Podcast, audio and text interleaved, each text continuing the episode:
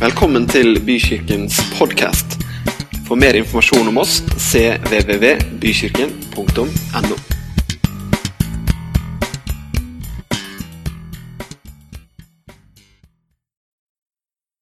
Det er eh, et bibelvers som eh, jeg har eh, hørt bli prekt over mange ganger, og som jeg ofte har fått en litt sånn følelse av at ok, det her er ikke helt til meg. Jeg pakker meg litt sånn inn i skallet mitt og tenker at eh, det er sikkert noe der til meg, men ikke sånn fullt 100% til meg. Så tenkte jeg nei, nå skal jeg faktisk preke over det bibelverset selv. Og det er Matteus 9, 35-38. Der var det på veggen, vet du. Jesus vandret nå omkring i alle byene og landsbyene. Han underviste i synagogene deres, forkynte evangeliet om riket og helbredet all sykdom og plage. Og da han så folkemengdene, fikk han inderlig medfølelse med dem, for de var forkomne og hjelpeløse, som sauer uten gjeter. Da sa han til disiplene sine, høsten er stor, arbeiderne få.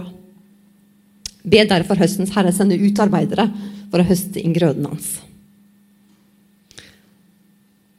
Og når man hører dette bibelverset, vært spesielt da denne høsten er stor, men arbeiderne få. Be derfor høstens herre sende ut arbeidere for å høste grøden hans. Da kan man få litt sånn hett, da. Um, og du kanskje tenker at nå skal hun sende oss ut med ropert og utestemme på Facebook og alle andre steder. Og, og tenke at liksom åh, ikke helt behagelig. Men jeg tror da at dette bibelverset det taler til oss alle. Uansett hva som Gud har lagt på vårt hjerte. For det er jo ikke sånn at alle blir predikanter eller drar i korstog eller drar på gatene og står med ropert. Men dette oppdraget det er både stort og alvorlig, og vi er alle en del av det på hver på vår måte. Og I dette bibelverset så, så um, er det jo flere perspektiver. Og hva ligger egentlig i dette oppdraget? da? Jo, Jesus han vandrer omkring. Han er ikke en sånn stillestående person som bare har satt seg liksom i en by eller et lite tettsted for, for, um, for øyet. Han er overalt. Og jeg sier ikke at du skal være overalt, men det er allikevel et ganske interessant perspektiv i den teksten. Han underviste, ikke minst. Han forkynte evangeliet. Han helbredet sykdom og plage. Han fikk medfølelse med dem. Han viste omsorg. Guds hjerte er veldig sammensatt. Og Jesus han møter oss derfor på en måte der vi er hele mennesker. Med alt det vi har, og alt det vi er. Han ser hva vi føler, og han ser hva vi trenger. Og det er litt sånn vi skal også søke å være da, som etterfølgere av Jesus. Og Jeg har lyst til å snakke litt om det å være disippel i dag. I kapitlet etter denne teksten her, i kapittel 10 eh, Jeg skal ikke gå inn i detaljer på akkurat det kapitlet, men har dere lyst til å lese det, så gjør gjerne det eh, hjemme. Men det er jo et kapittel der Jesus forbereder disiplene på deres oppdrag som apostler. Til å bli sendt ut i hans sted. Eh, han utfordrer dem til å være modige og sterke og lover dem at fred og kjærlighet skal være med dem alle dager. Og Den hellige åndens kraft. Så I det kapitlet etter at Jesus sier 'høsten er stor, arbeiderne få', så gir han disiplene en skikkelig pep-talk. Med masse oppmuntring, men også en ganske sånn tydelig realitetsorientering om alt det som kommer av prøvelser og vanskeligheter. Og jeg tror at eh, Vi kan kjenne hver på våre prøvelser her i, i vår del av verden, og, og, vi har alle ting vi kan eh, tenke på når vi snakker om prøvelser. Men våre venner i India eh, de lever i en ganske annen verden enn oss. Og Det er ganske interessant da, eh, med tanke på liksom smittesituasjonen. Eh, I går så var det et oppslag på VG som var der noen timer, eh, om at det var det høyeste smittetallet registrert på én dag var 95 000 i India. Etter noen få timer så var den bytta ut med smittetallene i Frankrike og Spania. For vi norske lesere vi er ikke så interessert i det som skjer så langt borte. Men samtidig så er det jo eh, verdt å ta inn over seg at forskjellene i verden er så store. Og totalt kan man si at det er 4,5 millioner i India som er smittet. Og tenk deg det å leve i et land, å være misjonær i et land som India når det blir liksom fullstendig shut down, og der avstandsbestemmelser skal følges, der det nesten ikke er mulig å holde den avstanden i en enkelte områder. Det er ganske krevende forhold. Ehm, ikke minst er det ganske vanskelig å forholde seg til digitale møteplasser som vi nøt godt av i, ehm, i vår. Fra fra 27.9 får de lov til å drive med samlinger av 100 mennesker igjen. og Det tror jeg de gleder seg veldig til. Det er noe ganske annet å drive med eh, misjonsarbeid når man får lov til å samle mennesker. Men samtidig er det jo vanskelig og krevende tider i et sånt perspektiv. Men så ser vi da den gjengen bak her som vi så på film i sted. De holder motet oppe. Og det tenker jeg er, er eh, fint å kunne være inspirasjon for oss her. De har jobbet målrettet med å dele ut eh, både mat til fattige familier, til å dele ut håndsprit og såpe og munnbind til politi og andre offentlige aktører som trenger det for å kunne være på jobb og skal holde ro og orden. Um, og jeg tenkte veldig på dette bibelverset i Jakob 1, 2-4. Se det bare som en glede, søsken, når dere møter all slags prøvelser. For dere vet at når troen blir prøvet, skaper det utholdenhet. Men utholdenheten må føre til fullkommen gjerning, så dere kan være fullkomne og hele uten noen mangel. Jeg tenker på våre søstre og brødre i India når jeg leser det verset der. Og så tenker jeg at vår hjelp kan være med å gjøre det litt mindre tungt og hjelpe litt i en ekstrem situasjon. Så la oss huske dem i bønn og omsorg med gaver og tenke på at det at vi står sammen i bønn på andre siden av jordkloden, det har faktisk utrolig makt og kraft. Og la også de være en inspirasjon eh, til oss i en tid Frank sa i starten her eh, Blir du ikke glad bare av å se Gladwin? Og jeg har vært så heldig å få lov til å treffe denne mannen. Um, sitte og dele måltid med han og, og, høre på hans tanker. Han er en fantastisk person. Uh, men det var det er noe med at når du hører han snakker, og Vi fikk noen sånne videohilsener også i, når ting sto, var mer krevende i vår. Tenkte jeg bare wow, for en fyr. Um, tenk å kunne se opp til noen mennesker som, som er i, i den, den, den sfæren. De er tøffe. Men så tilbake til det jeg hadde tenkt å snakke om. da. Hva vil det si å være en disippel? Da tenkte jeg skulle starte med å gå til um, misjonsbefalingen. Gå derfor og gjør alle folkeslag til disipler. Døp dem til Faderens og Sønnens og Den hellige ånds navn, og lær dem å holde alt det jeg har befalt dere. Og se, jeg er med dere alle dager inntil verdens ende. I den teksten så utfordrer Jesus oss til å være og gjøre disipler. Eh, og når han sendte ut eh, disiplene sine, så, så utrustet han dem så han ga, og, og, sa samtidig at eh, du skal aldri være alene. Vi er aldri alene. Jeg er med dere alle dager inn til verdens ende. Vi har satt en overskrift for denne høsten her i Bykirken, og det er 'Nærmere Gud og nærmere mennesker'. Um, og det å være en disippel Det å være en disippel. Jeg har uh, satt opp uh, seks perspektiver på det å være en disippel. Så det kunne være en sånn huskeliste. Så kan det godt være at du kjenner at et av de punktene er mer, uh, mer viktig for deg i dag enn noen av de andre, og det er lov. For jeg tenker at Gud utfordrer, utfordrer oss på ulike punkter. Men uansett, en disippel har en personrelasjon til Jesus. Vi er utfordret til å leve tett på Gud. Fordi han ønsker å være tett på oss. Han ønsker å være en del av livet vårt. Og han ønsker å kommunisere direkte.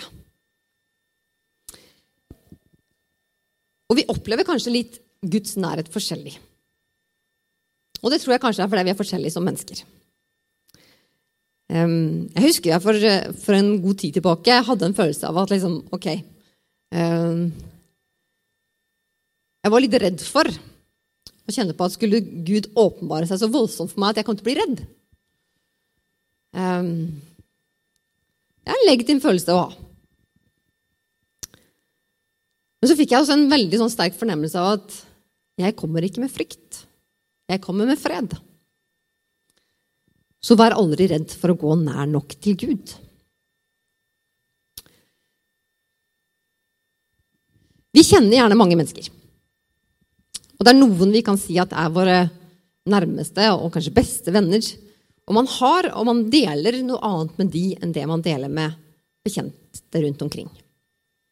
Og sånn vil det alltid være. Og jeg tror at det som er viktig i en personrelasjon med Jesus, det er å våge og ikke skjule noen ting. Poenget er at vi kan egentlig ikke skjule noen ting heller. Så det er på en måte ikke noe vits. Men det å være åpen om det man står i, og det man kjenner på at dette trenger jeg hjelp til, det, det tror jeg er vesentlig. Um, det er lett å kunne ha en type avstandstro. Og kjenne kanskje noen ganger at nærheten ikke, eh, ikke er konstant. Og Jeg kom på et bilde, da, for jeg har blitt hekta på, på, å bake surdeigsbrød. Og Surdeigsbrød blir jo brukt i mange sammenhenger til å, til å være sånn type symbolikk i, i kristenheten på hvordan vi kan påvirke andre osv. Men det er også noe interessant med surdeigsbrød. fordi at når surdeigen jobber og hevingsprosessen begynner, så kommer det sånne luftbobler. Og de luftboblene de skal man forsøke å varsomt pakke inn, sånn at de kan på en måte øke effekten av å bli flere og større inni den deigen. Eh, og hvis du, du, som ikke har bakt surbær, så tenker jeg, hva er det hun snakker om nå? Eh, så har du kanskje spist et surdeigsbrød, og da ser du at det er sånne store hull inni brødet. Som kanskje du er irritert over, for at ja, pålegget faller jo gjennom dette blir bare gris. Men hele poenget med surdeigsbrød er jo da å ha disse litt store hullene. Uansett så kan vi tenke på dette med at vi som sitter her, vi har hatt ulike opplevelser med Jesus opp gjennom livet vårt. Og Det gjelder også å ta vare på de og pakke de inn og passe på at ikke de blir tatt fra oss også. Og det var litt jeg tenkte da, men Når vi pakker liksom den deigen inn for å bevare disse luftboblene, så tenker jeg at det å huske på de opplevelsene vi har hatt Når vi kjenner at oi, nå kjenner jeg at Gud er litt langt borte ehm, Det å kunne minne seg selv på at å, jeg vet at Gud er nær, selv om ikke det føles sånn. Så det gjelder å leve nær til Gud og passe på at vi tar vare på de gode opplevelsene våre og tar vare på dem i hjertet vårt i den personrelasjonen.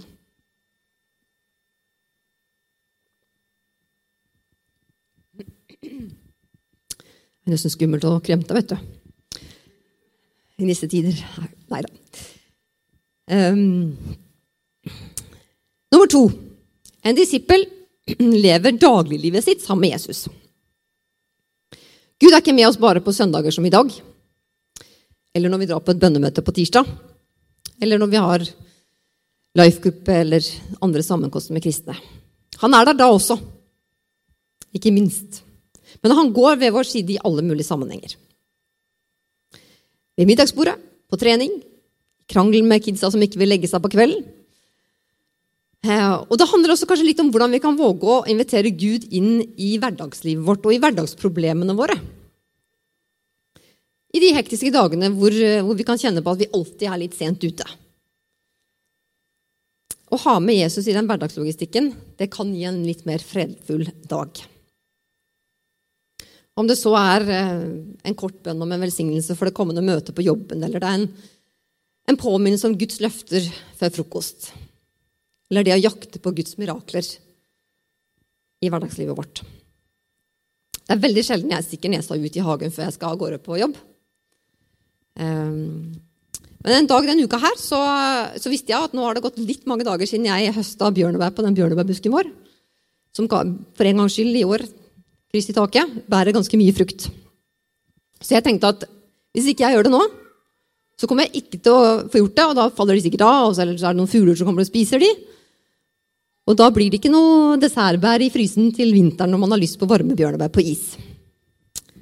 Så jeg tenkte at ok, jeg, det tar jo ikke så lang tid å høste de bjørnebærene, så jeg kan gjøre det. Um, og der, de få minuttene av å gå ut og høste de bærene i sånn sterkt sollys, morgensolen, og gå forbi en av rosene som mamma har planta, som lukter veldig veldig godt, og bare trekke inn den duften Det fikk meg en sånn, til å snu litt sånn i en følelse av Guds storhet i hverdagslivet. Så kanskje handler det også om å være litt mer på jakt etter Gud i det som er dagligliv. Det handler ikke om å skulle nevne nødvendigvis Jesus med annethvert ord, men at vi har han med oss i det vi gjør og tenker, vurderer og undrer oss over i hverdagen.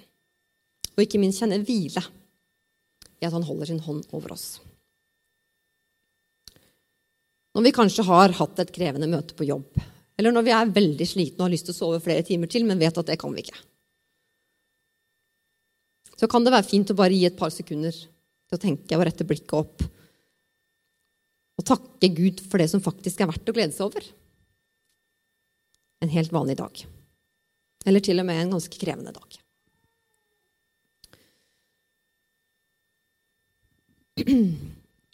Kom det bli sånne varslinger på sånne, sånne spill. Det var jo fint. Tom is waiting for playing. Nei, nei. um, en disippel blir stadig mer lik Jesus. Nummer tre. Jesus lik. Jesus var frihetsforkjemperen som tok kampen mot urett og undertrykkelse. Som møtte de utstøtte i samfunnet. Som ikke gjorde forskjell på folk. Som aldri diskriminerte. Han elsket betingelsesløst. Elsker betingelsesløst. Forventer ingenting tilbake. Og han ofret seg selv for at vi skulle få fred. Fredsfyrste. Underfull rådgiver. Det kan være litt uoverkommelig å bli litt lik Jesus. For som menneske er det ganske umulig.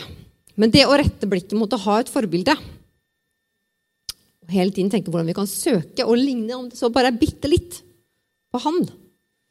Gjøre en ting som er litt mer Jesus-lik en handling. Det er eh, fint å konsentrere seg om. Jesus var aldri stresset. Han var nok sliten, men hadde likevel alltid overskudd til å ta imot noen.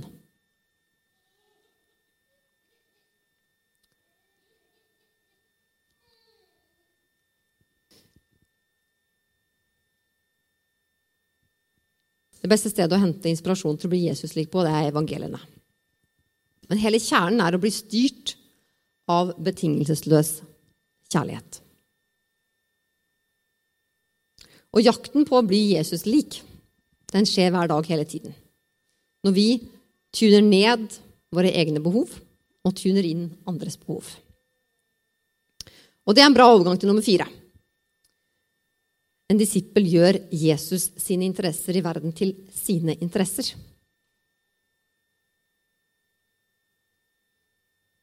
For jeg var sulten, og dere ga meg mat. Jeg var tørst, og dere ga meg drikke. Jeg var fremmed, og dere tok imot meg. Jeg var naken, og dere kledde meg. Jeg var syk, og dere så til meg. Jeg var i fengsel, og dere besøkte meg. Da skal de rettferdige svare, Herre, når så vi deg sulten og ga deg mat, eller tørst og ga deg drikke? Når så vi deg fremmed og tok imot deg, eller naken og kledde deg? Når så vi deg syk eller i fengsel og kom til deg? Kongen skal svare dem, sannelig, jeg sier dere, det dere gjorde mot en av disse mine minste søsken, har dere gjort mot meg. Jesus sine interesser det er å bry seg om andre. Vi søker å finne ut hva Jesus ville gjort. Og det er jo flere debatter i den samfunnsdebatten akkurat for tiden som gjør at uh, man kan tenke på dette bibelverset. Og vi søker å finne ut hva, hva Jesus ville gjort i ulike sammenhenger. Så det handler også om å se Jesus i alle de vi møter. Det er mye urettferdighet i verden som jeg tror Gud gråter av. Og noen ganger kan det være litt sånn overveldende å ta inn over seg en verden som er eh, brutalt urettferdig. Men desto ikke mindre viktig å våge å gjøre det. Nummer fem. En disippel lever i fellesskap med andre disipler. det å kunne være nær andre. Vi er jo heldige i Norge. Vi lever i et land der eh, det er lov å tro. Lov å utøve vår tro.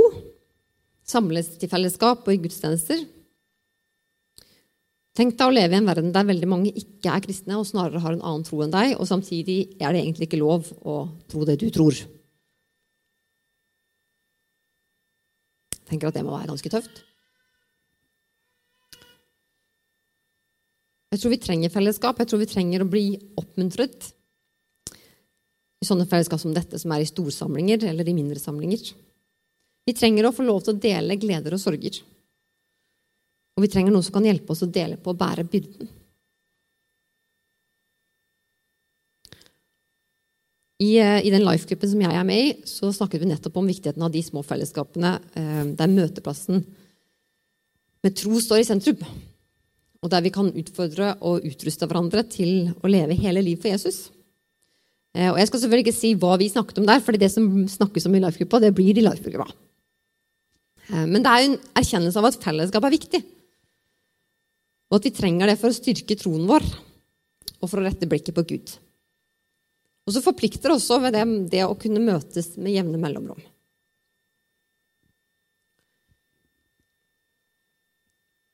Da Filippa var veldig syk, eh, så ble det veldig viktig for meg å ta vare på life-gruppen min og fortsette å møtes.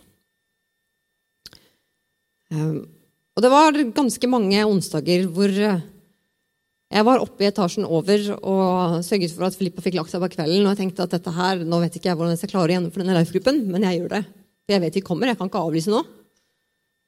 Men å få lov å komme eh, sammen med noen andre og kjenne på noe annet og rette fokus og blikk på Gud sammen med de andre, det var eh, en veldig viktig eh, måte for meg å komme gjennom tøff tid, ta en tøff tid på. Og jeg tror at det å kjenne på den der trosstyrkende prosessen i å stå i fellesskap, der vi kan oppmuntre hverandre og bære byrdene til hverandre, det har en ekstremt stor verdi som ikke vi engang forstår rekkevidden av. Og så siste punkt, nummer seks. En disippel forenkler livet slik at den kan leve som en disippel. Å, den er krevende.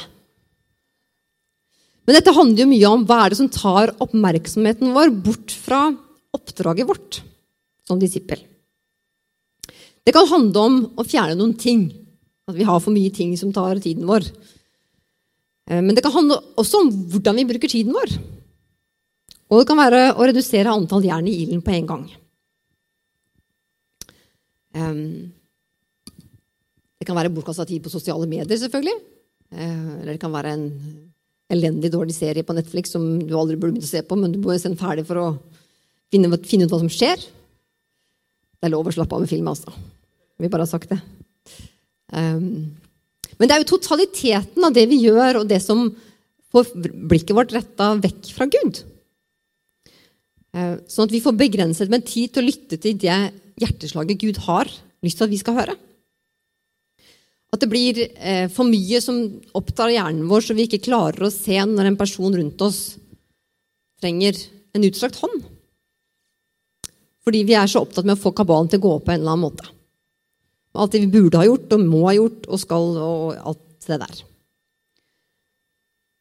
Og Så kan forenkling også handle om å ha tid til å hvile.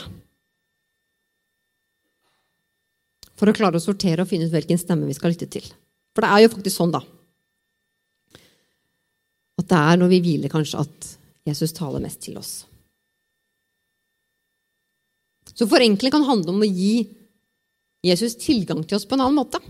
Til hjertet vårt. Ikke bare på søndag, som kan være fint å, prioritere, selvfølgelig, men også hele uken igjennom. For det, i bunn og grunn så er det noe med å gi Gud rom til at du har tid til å høre etter når han snakker. Så jeg tror mye på at det er mye som kan skje når du faktisk også hviler. Så det er lov å ikke lese, det er lov å ikke sette seg ned med å høre på en preken på podkast eller noe sånt. Men det er lov å bare tenke at nå kan Gud tale til meg her jeg hviler. Og hvis du sovner, så kan det være at Gud kommer til deg i en drøm. Skal vi ikke glemme det? Nei da.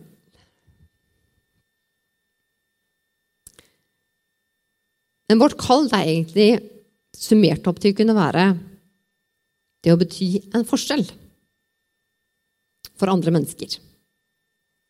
Både materielt, åndelig og fysisk. Vårt mål er ikke en, en jakt på egen lykke og selvrealisering. Å være disippel er å kunne være et redskap for Guds omsorg og kjærlighet, og ikke minst budskapet om frihet og frelse. Vi skal gjøre, men i Guds kraft. Jeg leste her at vi eh,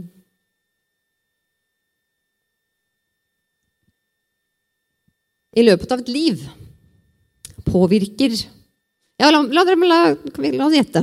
Hvor, hvor, mange mennesker tror du at du vil påvirke i løpet av livet ditt? Noen som har eh, lyst til å gjette? Ingen som har lyst til å gjette. Veldig kjedelig, altså. Jeg leste at vi påvirker 10 000 mennesker. Hver og en av oss. Altså gjennomsnittlig 10 000 mennesker. Så er det noen av oss som påvirker mer, og noen som kanskje litt mindre. Så tenker du bare 10 000, ikke snakk om. Det blir for mye. Um, men det er klart, påvirkning kan være så mye, da. Noen kan være et kort glimt av et smil på butikken, et håndtrykk Ja, det var tilbakeskuende, selvfølgelig. Et smil. Eh, en, en sånn, da. Sånn albu.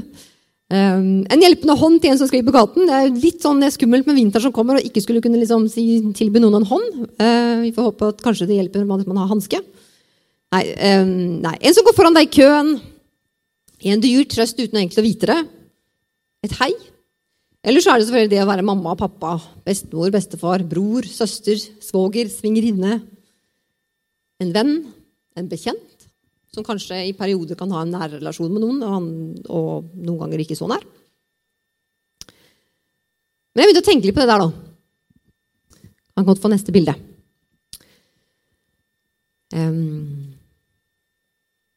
Jeg møtte nemlig en kvinne når jeg var på, på misjonstur for to år siden til India. En kvinne som het Rashid eh, i. Hun kunne ikke et ord engelsk. Jeg kunne ikke et ord indisk. Så vi kunne ikke kommunisere noe særlig med, eh, med de språklige ordene, som kanskje er det som er min sterkeste måte å kommunisere på. Men hun satte øynene i meg. Hun fortalte meg så mye gjennom blikket sitt og holdningen sin og de intense øynene og styrken i måten hun både sto på og satt på, at hun gjorde et ekstremt stort inntrykk på meg. Og Jeg kan fortsatt kjenne den følelsen av å fortsatt bli inspirert av den dama. Av den uredde holdningen hennes. Og det var mange mennesker i det, det rommet. Det var mange jeg snakket med, eller ja, hadde litt forskjellig kommunikasjon med. Um, men akkurat hun Hun hadde noe over seg som gjorde veldig sterkt inntrykk på meg. At hun påvirker mange mennesker som misjonær i, i India, det tviler jeg ikke på. Um, men det er noe med det at som Jeg har hørt mange taler og, og vært i mange sammenhenger hvor, um, hvor, jeg selvfølgelig har blitt inspirert, og alt sånt, men, men det er likevel den der følelsen av å, å, sitte der sammen med henne de 10-15 minuttene, kanskje. Um, og jeg viste henne i Bibelen min, og hun viste seg i Bibelen sin. Uh, vi skjønte jo ikke noe av det som sto der, men det var allikevel en sånn spesiell kommunikasjon. Um, og jeg tror at de fleste menneskene vi påvirker, de vet vi kanskje ikke at vi påvirker. Og vi kommer aldri til å få vite det heller. Så da blir jo litt sånn spørsmålet, da. Hva vil du påvirke dine 10 000 personer med? For det er jo ikke gitt at, de, at det er ikke bare positive ting vi trenger å, å si der, liksom.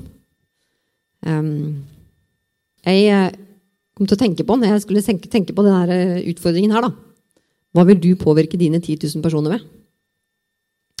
Så kom jeg til å tenke på at når jeg drev med politikk, så vet jeg at det var noen som var litt redde for meg. Og det er jo litt sånn kjipt å kjenne på at det var det, liksom, det du påvirka de med. Sånn frykt. Det var ikke Kanskje ble de litt inspirert også, men eh, jeg vet ikke. Jeg kjenner at den er ikke helt, eh, helt god. Men så, hva sier Bibelen, da? Jeg har et bibelvers fra Kolosserne 3.12-14. Dere er Guds utvalgte, helliget og elsket av ham. Kle dere derfor i inderlig medfølelse og vær gode, milde, ydmyke og tålmodige. Så dere bærer over med hverandre og tilgir hverandre hvis den ene har noe å bebreide den andre. Som Herren har tilgitt dere, skal dere tilgi hverandre, og overalt dette kle dere i kjærlighet, som er båndet som binder sammen og gjør fullkommen. Det er et vakkert vers, men ganske krevende i den virkelige verden. For en uke siden så, så jeg på Innsiden ut, en tegnefilm som med minstejenta. Eh, det er en tegnefilm eh, Er det noen av dere som har sett den, kanskje? Ja, noen, ja, noen som er med, liksom. Ja, noen vinker litt mer enn andre, siden det er kjempegøy. ja. Det var litt komisk, da, for vi hadde sett denne filmen med eldstejenta mange ganger. Og så plutselig så skjønner vi at den har jo ikke minstejenta fått med seg. Eller kanskje hun så den hun var så liten hun ikke huska. Eh, men vi fant ut at ok, den må vi se. Det er en tegnefilm som, som som handler mye om hvordan ting foregår inni hjernen vår. Veldig morsomt. Med da følelsesspekteret frykt, sinne, glede, sorg og trass. Eh, da er det en jente på 11 år som flytter sammen med foreldrene sine. Og det handler mye om hva som skjer inni hjernen hennes. da, Hennes ulykkelighet. Og, og Poenget med filmen er at, at man, eh, det er noe med de kjerneminnene i livet vårt som former oss som den vi er, og gir oss den identiteten vi har. Alle de erfaringene vi har, og sånn. Og det jeg kom til å tenke på da, i den forlengelsen, det var jo hvilke minner og hendelser som gir oss identiteten vår som kristne og troende på Jesus. Hvilke minner er det? Og Da faller det sikkert noen ting ned hos deg som tenker å, det, liksom, det har vært en av de tingene som har, har prega meg og min tro. Og hvordan kan vi som fellesskap av troende bygge en identitet for hverandre med gode trosopplevelser? Tenk hvilken enorme forskjell vi kan gjøre for hverandre gjennom akkurat det. Og jeg tipper at mange her også kjente på noen litt vonde trosopplevelser når jeg sa det jeg sa. For det er ikke alltid at alt bare er 100% rosenrødt bestandig.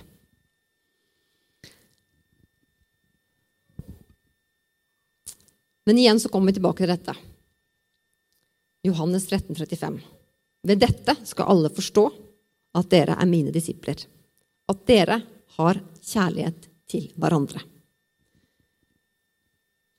Det fellesskapet vi har som kristne, det bør egentlig være noe som andre misunner oss og har lyst til å være en del av. Tenker at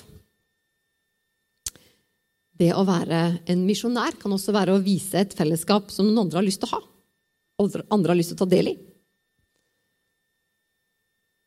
Men så kan det kanskje også være litt sånn skummelt å lene seg inn i et sånt fellesskap. For hvor langt inn skal man trå? Det er en ting du kan få lov å tenke litt på i ditt hjerte. For to uker siden så, så var jeg og tok eh, Tok mest sannsynlig siste morgendag for sesongen. Jeg er ikke sånn kjempeglad i å ta morgenbad. David uh, så ut av vinduet og syntes det var sol og fint vær. og tenkte, å, skal vi gå og bade? Og jeg tenkte nei, jeg var ikke så veldig klar for det, så jeg dro litt på det. Og akkurat mens jeg da sier nei, så kom det inn en snap fra søsteren min som uh, fortalte om et fortreffelig morgenbad hun hadde hatt.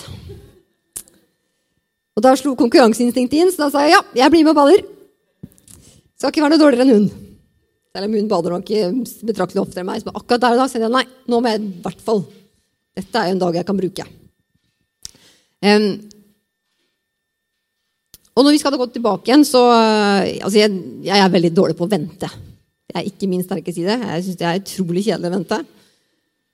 Uh, å være gift med en tidsoptimist det er jo da en litt sånn krevende øvelse, men det pleier å gå bra. Um, men jeg tenkte akkurat denne dagen her skulle jeg vente på David da, før jeg liksom tusla tilbake.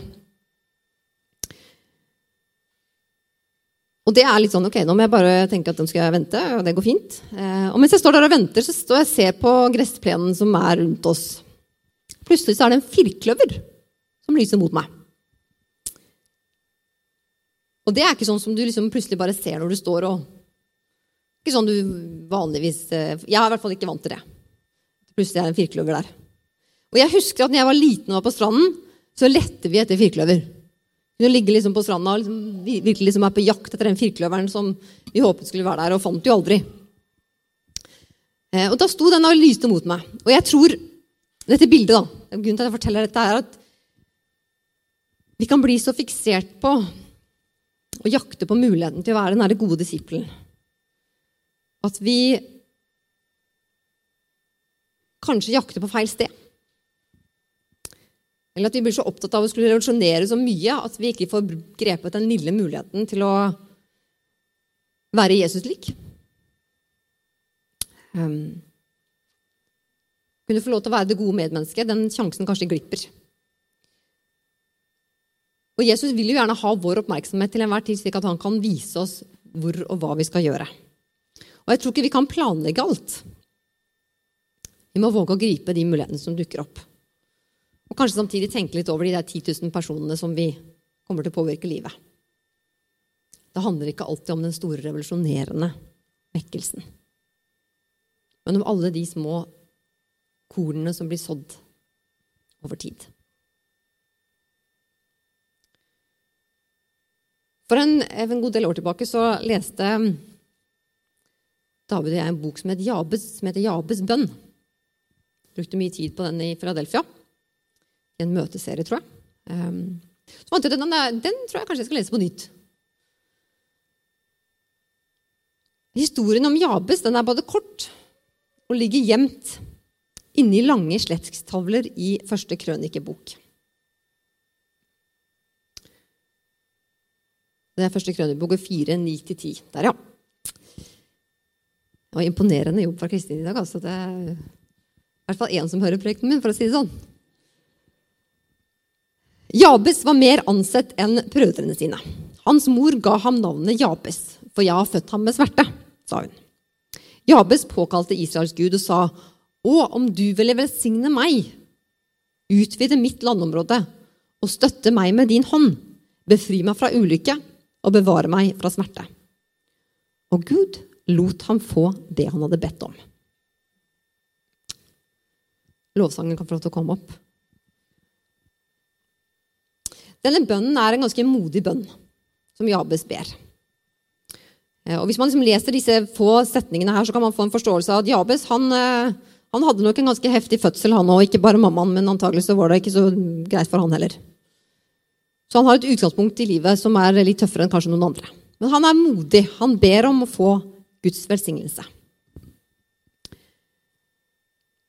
Og det er en utfordring til oss andre også, til å kunne be om det. Be om Guds velsignelse. Ikke, ikke som en sånn ha en fin dag-variant, men det å få lov til å si 'Jeg tar imot din kraft, Herre', som er helt vanvittig stor, og at du tar, tar over styringen av livet mitt.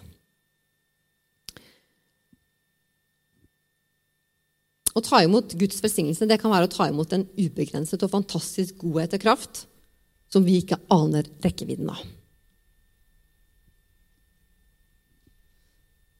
Og I dag så tror jeg at den bønnen som Jabes ber, kunne vært f.eks. sånn som dette. Herre, vær så snill å gi meg utvidede muligheter og innflytelse på, på en måte som berører mange menneskers liv til din ære og la meg gjøre mer for deg. Våger vi å be Gud om akkurat det? Herre, velsign meg og utvid grensene mine. Takk, Herre, for at du er her midt iblant oss. Og takk for at du utfordrer oss, Herre. Og takk, Gud, for at vi kan få lov å be deg om at du velsigner oss. Og utvider grensene våre og ser, lar oss se nye muligheter som ligger foran oss. I Jesu navn. Amen.